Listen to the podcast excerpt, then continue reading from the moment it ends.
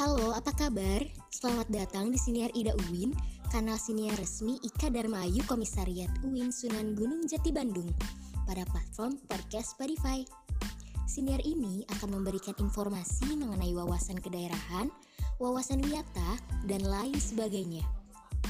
Untuk menikmati siniar ini, pendengar dihimbau untuk memakai earphone, menyiapkan minuman beserta cemilan, dan selamat mendengarkan.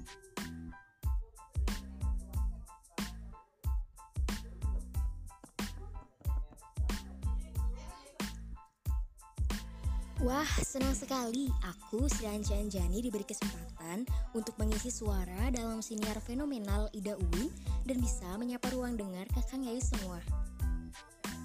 Kali ini aku pengen berbagi informasi yang insya Allah bisa menambah wawasan kakang dan Yayu. Topik siniar kali ini akan membahas mengenai sudah tepatkah sistem pendidikan kita Perlu Kang dan Yayu ketahui bahwa sistem pendidikan nasional diatur dalam Undang-Undang Republik Indonesia Nomor 20 Tahun 2003 tentang Sistem Pendidikan Nasional. Sistem pendidikan nasional adalah keseluruhan komponen pendidikan yang saling terkait secara terpadu untuk mencapai tujuan pendidikan nasional. Sistem ini harus mampu menjamin pemerataan kesempatan pendidikan, peningkatan mutu, serta relevansi dan efisiensi manajemen pendidikan untuk menghadapi tantangan sesuai dengan tuntutan perubahan kehidupan lokal, nasional, maupun global. Pendidikan adalah usaha sadar dan terencana untuk mewujudkan suasana belajar dan proses pembelajaran agar peserta didik secara aktif mengembangkan potensi dirinya. Sedangkan pendidikan nasional adalah pendidikan yang berdasarkan Pancasila dan Undang-Undang Dasar 1945. Nah, sebenarnya apa sih tujuan dari pendidikan sendiri? Tujuannya yakni mengembangkan potensi peserta didik agar menjadi manusia yang beriman dan bertakwa kepada Tuhan Yang Maha Esa, berakhlak mulia, sehat, berilmu, cakap, kreatif, mandiri, serta menjadi warga negara yang demokratis juga bertanggung jawab sebagai upaya mewujudkan tujuan pendidikan nasional.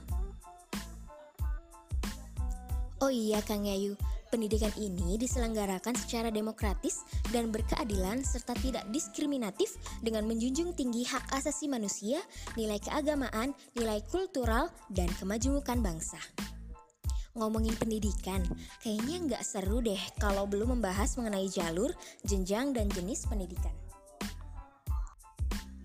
Nah, untuk jalur pendidikan ini terdiri atas pendidikan formal, non-formal, dan informal. Pendidikan formal adalah jalur pendidikan yang terstruktur dan berjenjang, yang terdiri atas pendidikan dasar, pendidikan menengah, dan pendidikan tinggi. Sedangkan pendidikan non-formal adalah jalur pendidikan di luar pendidikan formal yang dapat dilaksanakan secara terstruktur dan berjenjang. Adapun pendidikan informal adalah jalur pendidikan keluarga dan lingkungan. Kemudian, perlu Kang Yayu ketahui, jenjang pendidikan ini terbagi menjadi tiga, yakni pendidikan dasar, pendidikan menengah, dan pendidikan tinggi.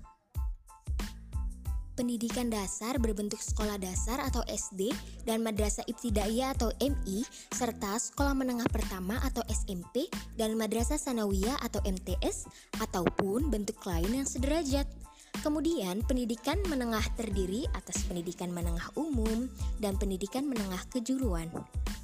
Bentuk pendidikan menengah yaitu sekolah menengah atas atau SMA, madrasah aliyah atau MA, sekolah menengah kejuruan atau SMK, atau bentuk lain yang sederajat.